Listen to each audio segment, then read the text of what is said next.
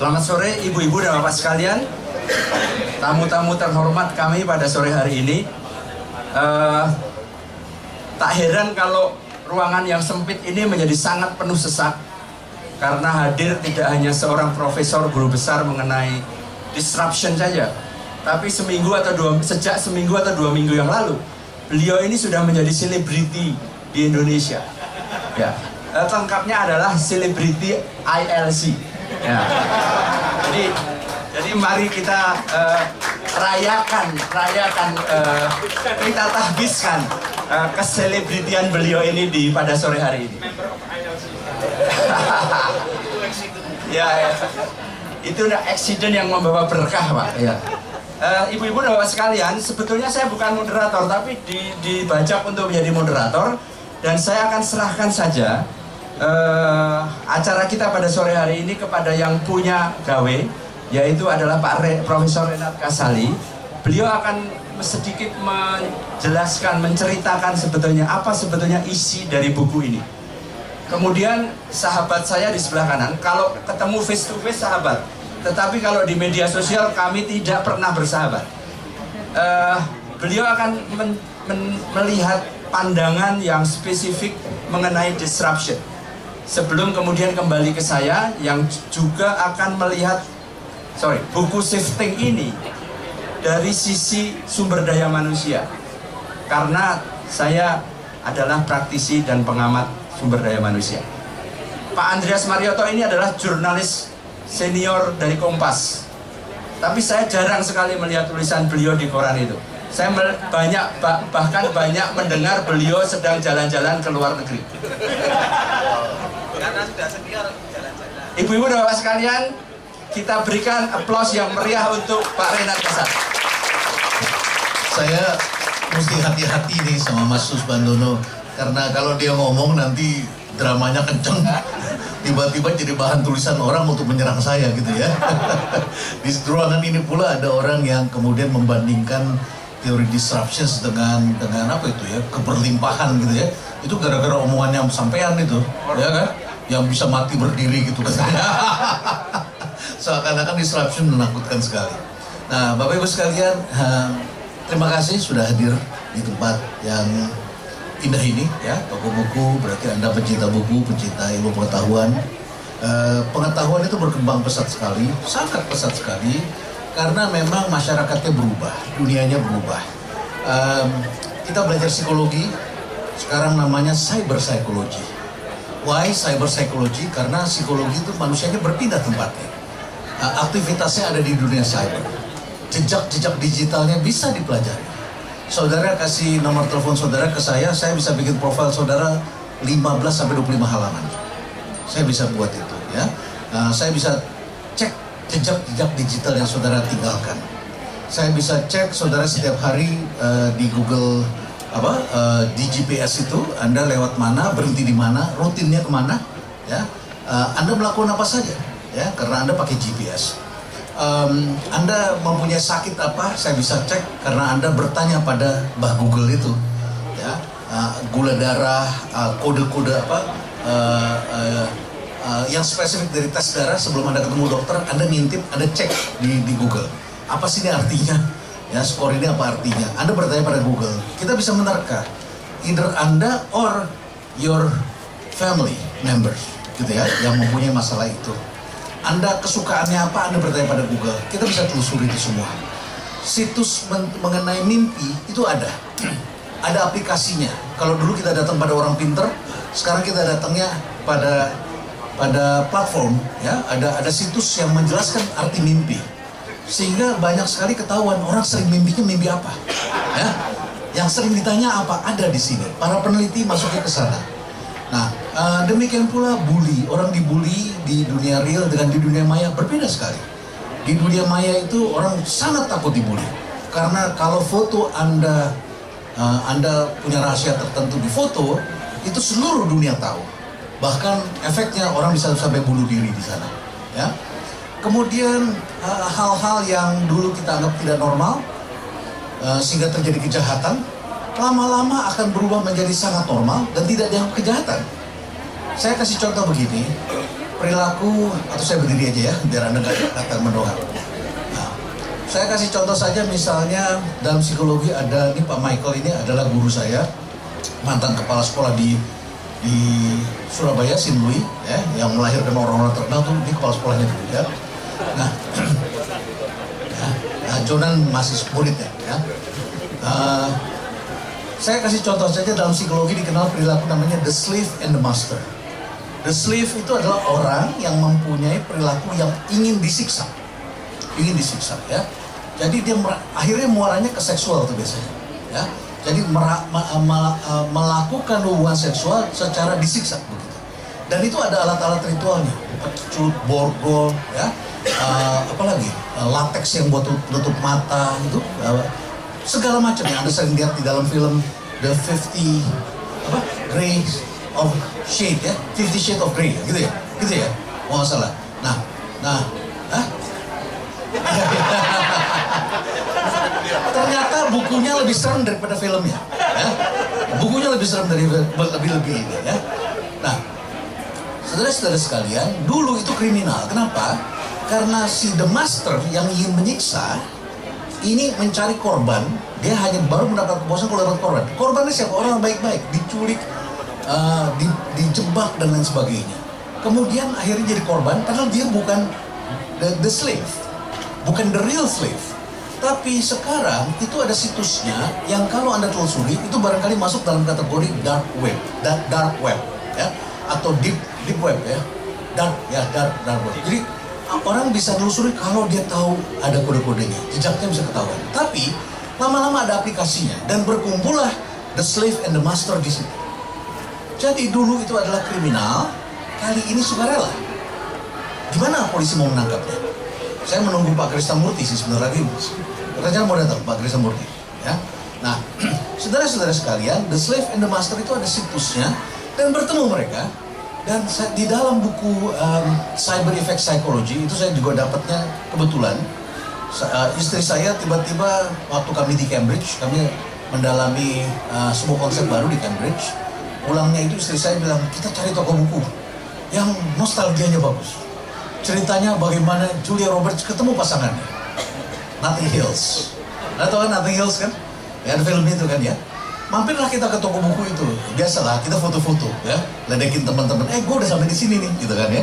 Nah, masukin di Facebook segala macam istri saya. Nah, tapi saya lagi masuk dalam tiba-tiba saya punya kebiasaan itu kalau lagi pikiran sesuatu saya cari buku saya random aja pegang, pegang, pegang buku, tiba-tiba saya cari di rak mana, tiba-tiba saya tarik, tiba-tiba saya dapat buku itu, uh, Cyber Effect Psychology. Dan di situ diceritakan kisah tentang seorang yang dibunuh di Irlandia dan jarang sekali kejadian. Dan tiga tahun jasadnya tidak ditemukan. Sampai kemudian baru ditemukan tiga tahun kemudian. Karena polisi karena ada seorang uh, pendaki bukit yang uh, menemukan sisa jasad tertentu, kemudian polisi bongkar danau di sana. Dan ketemulah ya um, apa uh, memory card dari telepon itu. Waktu itu belum begitu canggih. Dan akhirnya ketemu. Dan pembunuhnya adalah seorang arsitek berusia 44 tahun. Yang wajahnya mirip saudara-saudara. Orang baik-baik. Ya. Jadi ini tidak mencerminkan apa-apa sebenarnya saudara-saudara. Normal kan? Tapi di dunia maya perilaku sebenarnya manusia itu tampak di situ. Ya kenapa? Karena orang merasa tidak diketahui orang lain. So, what is the point of this thing? Yang saya mau ceritakan dalam buku ini adalah terjadi shifting besar-besaran. Ke mana? Shifting ke dunia baru ini, dunia cyber ini. Pada waktu Steve Jobs dipecat, kita tidak tahu ke mana muaranya Apple. Tapi tahun 95, 96 ketika dia kembali, dia ditarik kembali sebenarnya karena penjualan Apple komputer itu memang turun dan era PC sudah berakhir. Saya pulang sekolah dari Amerika itu tahun 98. Uh, eh, para ahli sudah memberitahu PC turun penjualan. Padahal kita masih beli PC ya tahun 98 itu. Uh, cenderung declining. Saya bicara dengan teman-teman dari uh, apa, uh, Intel, Intel chips itu.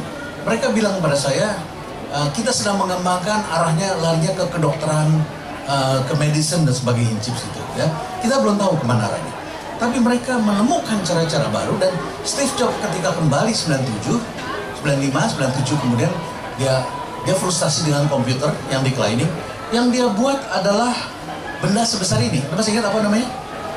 iPod yang cuma digini-giniin aja, mainan anak-anak. Anak saya beli itu, saya bilang kamu egois bener sih, cuma tutup telinga begitu ya. Dia dengerin begitu. Kita tidak sangka bahwa itu bukan yang akhir, melainkan dia dari situ berevolusi jadi benda yang sekarang memindahkan segalanya ke sini. Apakah dengan ditutupnya Doli di Surabaya, ya, apakah Masus kemudian berhenti mencarinya? Ya? Emang Doli siapa? Langsung menyangka. Yang DNA-nya itu waktu itu, ya. Bayi tabung Doli ya. Apakah selesai? Tidak kan? Kita semua kan dapat tawaran kan? Invite pin BB. Ya kan semua dapat. Ibu Antarida dapat, istri saya dapat. Ya, ditawari kita begitu. Dan ternyata kami riset lagi. Saya tahu dari kawan-kawan saya riset. Ya, Mas Rekoto nggak datang sini. Mas Kemal apa kabar? Mas. Apa kabar Mas? Ya. Nah, saudara-saudara, eh Pak Kris, makin muda aja nih. Ya. Makasih Pak Brigjen Polisi Krisnamurti ya. Ini yang yang nangkep teroris nih. Ya, di Jalan Sudirman Tamrin ya. Makasih. Ya. lagi filmnya keluar. Oh, mantap. Ini wajah jenderal harus seperti ini Pak ya. Jangan jenderal yang wajahnya tua-tua kusam. Ini harus begini wajahnya ya. Karena ya.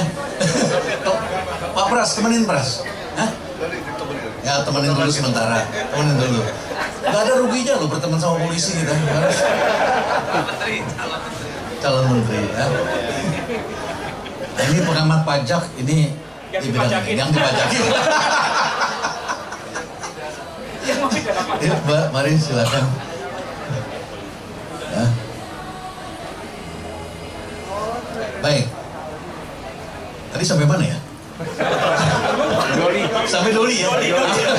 Sampai Doli. Saya wajib lihat wajahnya Pak Sus langsung ingat Doli.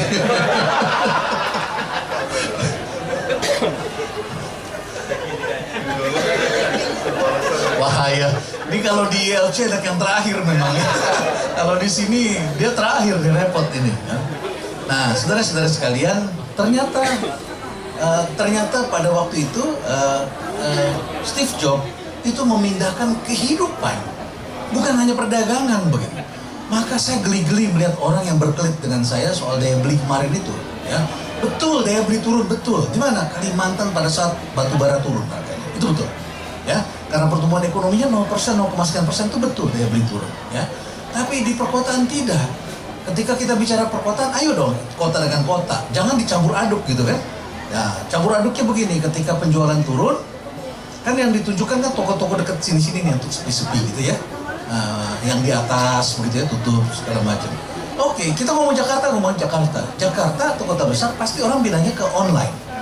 Ya, ditambah lagi orang Glodok itu nggak ada barang waktu itu. Kenapa nggak ada barang? Karena dikejar pajak. Harus dikejar pajak. Jadi masalahnya adalah ketika mereka mau import harus punya NPWP, gitu. Akibatnya yang terima titipan nggak mau. Biasanya tuh importnya gelondongan katanya. Satu kontainer tapi isinya yang import tuh 5-6 orang. Akhirnya yang import itu karena dia diminta NPWP-nya ditagih pajaknya, dia nggak mau lo import sendiri-sendiri deh. Masuk gue mesti bayarin nih pajaknya katanya. Nah akibatnya mereka nahan begitu. Dan pada saat itu terjadi online, saya cek ke, ke mahasiswa saya yang punya toko di Glodok. Mereka bilang, iya sepi mas, bener sepi. Apa indikasinya? Orang nggak kelihatan lagi di jalanan di toko. Sampai tirto.id itu bikin video tentang daya beli itu sepi itu sampai membawa pemain skateboard ke sana di di Glodok itu. Dan bisa bermain skateboard karena sepinya. Dulu kita desak-desakan ya. Nah saudara-saudara tapi terus dia bilang tapi saya masih dapat order. Kenapa? Nggak tahu tuh si Kevin. Kevin tuh anaknya. Oh, dia masukin di online. Ternyata ada orang beli forklift 450 juta hari ini. Oh forklift beli online katanya dia bilang. Dia bingung. Jadi definisi sepinya itu adalah ketika orang nggak banyak lagi seliburan di situ. Ya. Dan biasanya yang sepi itu adalah karena tidak cepat memindahkan itu ke mana. Nah, saya berpikir di situ. Tapi kemudian kita dapat jawaban, eh, daya beli itu turun katanya, eh, jangan lihat Jakarta dong, lihat daerah-daerah itu sepi. Ya, ditunjukkanlah upah yang semakin mengecil sebagainya. Saudara-saudara, kita lagi ngomong Jakarta nih, kita lagi ngomong kota besar nih. Tiba-tiba ditunjukin lagi di daerah, terus merembet-merembet. Saya cuma ingin mengatakan kepada Anda, shifting itu bukan sekedar dari offline ke, ke online. Terlalu kecil itu. Tapi the whole things is shifting to here, to this one, shift to this one. Semuanya, ya. Apakah terjadi uh, pengecilan? Bukan.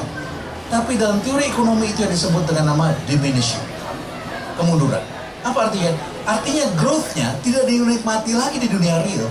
Growth-nya itu dinikmati di dunia baru ini. Jadi ketika pertanian shift dulu ke industri, revolusi industri, pertanian tidak hilang, Bu. Tidak hilang. Tapi porsi industri itu menjadi lebih besar daripada pertaniannya. Begitu, ya. Nah, ini diminishing karena semua kehidupan itu pindah ke dunia dunia baru ini dengan segala persoalan baru yang tidak kita kenal. Maka buku shifting itu berbicara tentang perubahan kehidupan. Ya, coba lihat diagramnya mana nih. Nah, saya mau ceritakan peta besarnya. Ini sebetulnya adalah gejala alamiah manusia dalam kehidupan. Ya, uh, Anda semua beragama, beragama.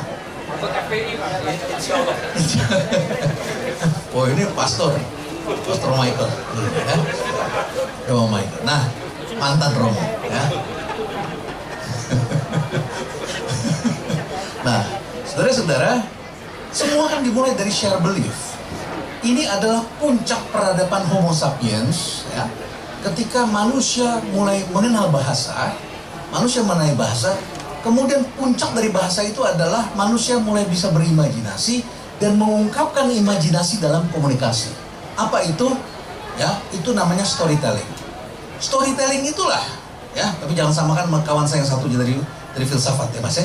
Nah, yang yang menganggap agama fiksi, saya tidak menganggap fiksi, ya. Saya percaya tentang Tuhan, ya. Nah, tapi tapi poin saya adalah ketika share belief ini menjadi penting storytelling mulai muncul, manusia itu kemudian mulai bisa membentuk, kelompok besar.